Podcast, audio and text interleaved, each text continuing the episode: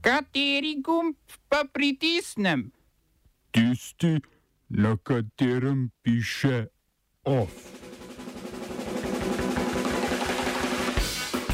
Kenija zavrača sodbo Mednarodnega haškega sodišča o morski meji s Somalijo. Izbruh nasilja na bejrutskih protestih.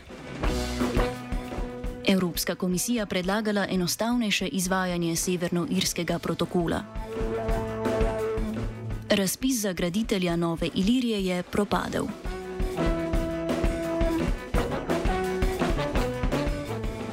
Kenija je zavrnila sodbo meddržavnega sodišča v Hagu o določitvi morske meje s Somalijo, čež da gre za prekoračenje pristojnosti sodišča in neupoštevanje državne suverenosti. Sodna odločitev je namreč morsko mejo v Indijskem oceanu začrtala bolj v skladu s somalijskim predlogom meje. Somalija je predlagala naj morska meja v Indijskem oceanu poteka naravnost iz kopenske meje, Kenija pa je zagovarjala naj ob obali zavije za 45 stopinj. Če bi sodišče upoštevalo kenijski predlog, bi država pridobila 100 tisoč kvadratnih kilometrov morja, izjemno primernega za ribolov in domnevno bogatega s plinom in gorivom. Odločitev sodišča je mednarodno zavezujoča, a sodišče nima nikakršnih orodij za njeno uveljavljanje. Sodno odločitev je Somalija zahtevala leta 2014 po neuspelih meddržavnih pogajanjih, Kenija pa je na to zavlačevala sojenje z večkratnimi prošnjami za predstavitev postopka zaradi zbiranja pravnikov, dokazov in prič. Teden pred razglašeno sodbo so napovedali, da sodbe ne bodo upoštevali, čež da jim sodišče ni dalo dovolj časa za pripravo obrambe.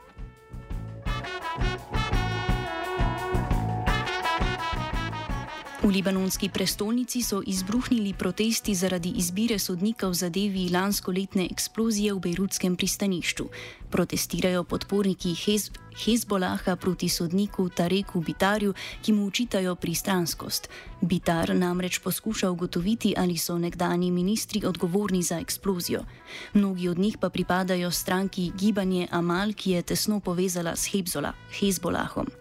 Glavni sekretar Hezbolaha Hasan Nazraleh je sodnika Bitarja obtožil pristranskosti in tega, da preganja člane Hezbolaha in Gibanja Amal. Bitar sicer nima uspeha z zasliševanjem morebitnih odgovorov, niti tistih iz omenjenih strank, niti drugih. Tako Ministrstvo za notranje zadeve kot tudi obramni svet sta zavrnila njegovi prošnji za zasliševanje njunih visokih uradnikov, pristojnih za varovanje. Tudi nekdani ministri in bivši premier Hasan Diab se niso odzvali na povabilo. V sojenju zaradi eksplozije ni bil obsojen še nihče.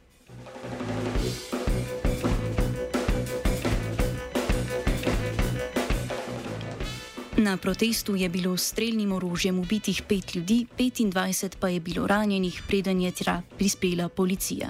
Ta je pozvala k razpustitvi protesta. Aretirala je tudi streljca, čigar identiteta ni znana. Premier Najib Mikati, ki podpira sodnika Bitarja, je pozval k miru, enako je storilo tudi vodstvo Hezbolaha.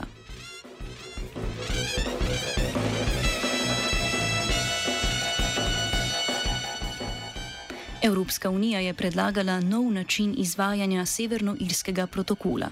Slednji je del sporazuma o izstopu Združenega kraljestva iz Evropske unije, ki ureja nadzor blaga poslanega iz Velike Britanije v Severno Irsko. Po protokolu iz leta 2019 mora to blago še vedno izpolnjevati pogoje glede kakovosti blaga Evropske unije in je pregledano v severnoirskih pristaniščih. Komisija je predlagala ukinitev približno 80 odstotkov kontrol in s tem zmanjšanje potrebne dokumentacije za vstop blaga na severnoirski trg za mnoge britanske proizvode, kot so zelenjava, meso in mlečni izdelki. Predlog tudi dovoljuje britanskim farma farmacevskim podjetjem, da prosto prevažajo zdravila v Severno Irsko, če tudi bi se po evropski zakonodaji omenjena podjetja morala preseliti tja.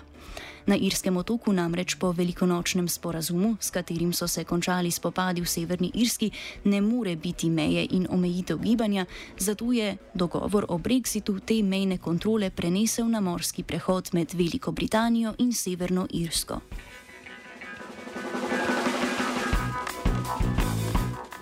Komisija je tako predlagala, da bi se strani še naprej držali protokola, da je pripravljena zmanjšati administrativno breme za Veliko Britanijo. Britanska vlada je julija namreč zahtevala, da bi ponovno odprli pogajanja o protokolu in ga spremenili, do takrat pa zamrznili njegovo izvajanje. Zahtevali so, na primer, naj Evropska unija ukine nadzor nad britanskim blagom oziroma naj preverja le tisto blago, za katerega obstaja tveganje, da bo vstopilo v Republiko Irsko, torej na oseb ozemlje Evropske unije. Predlagali so tudi uvedbo pravila, da lahko britansko blago prosto vstopi v Severno Irsko, če ustreza standardom Evropske unije ali Velike Britanije. Komisija na poganje, pogajanja in spreminjanje načel protokola ne pristaja, pripravljena se je pogovarjati zgolj o izvajanju obstoječega protokola.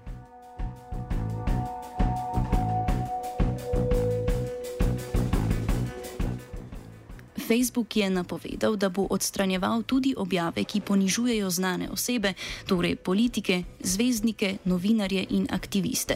Do zdaj je namreč takšne objave odstranjeval le, kadar je šlo za širši javnosti neznane osebe. Odstranjevali naj bi med drugim negativne opise teles javnih oseb in drugo vsebino, ki te ljudi seksualizira. Odstranjevali naj bi tudi objave in skupine, ki omogočajo množično nadlegovanje posameznikov, kot so disidenti ali žrtve tragedij.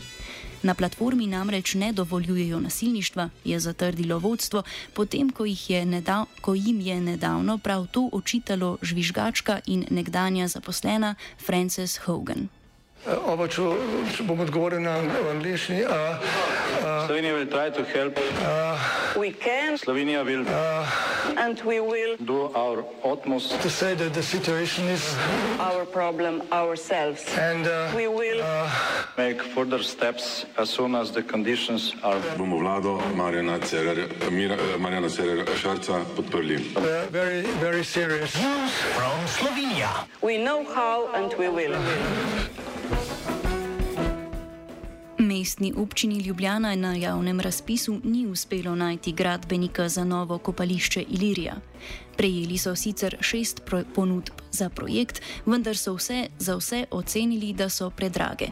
Ponudbe so nihale med 54,4 milijona evrov in 63,6 milijona evrov. Občina je investicijo v kopališče z bazeni, savnami, muzejem, parkom in parkirišči predhodno ocenila na 30 milijonov evrov. Koliko je občina sedaj pripravljena plačati za novo kopališče, ni znano. Ponovno bo izvedla razpis, a tokrat kakor konkurenčni postopek o pogajanja o ceni. Občina je pred neuspelim razpisom obljubila, da bodo gradbeno podjetje našli do konca leta in takrat začeli z gradno, bazen pa odprli leta 2024.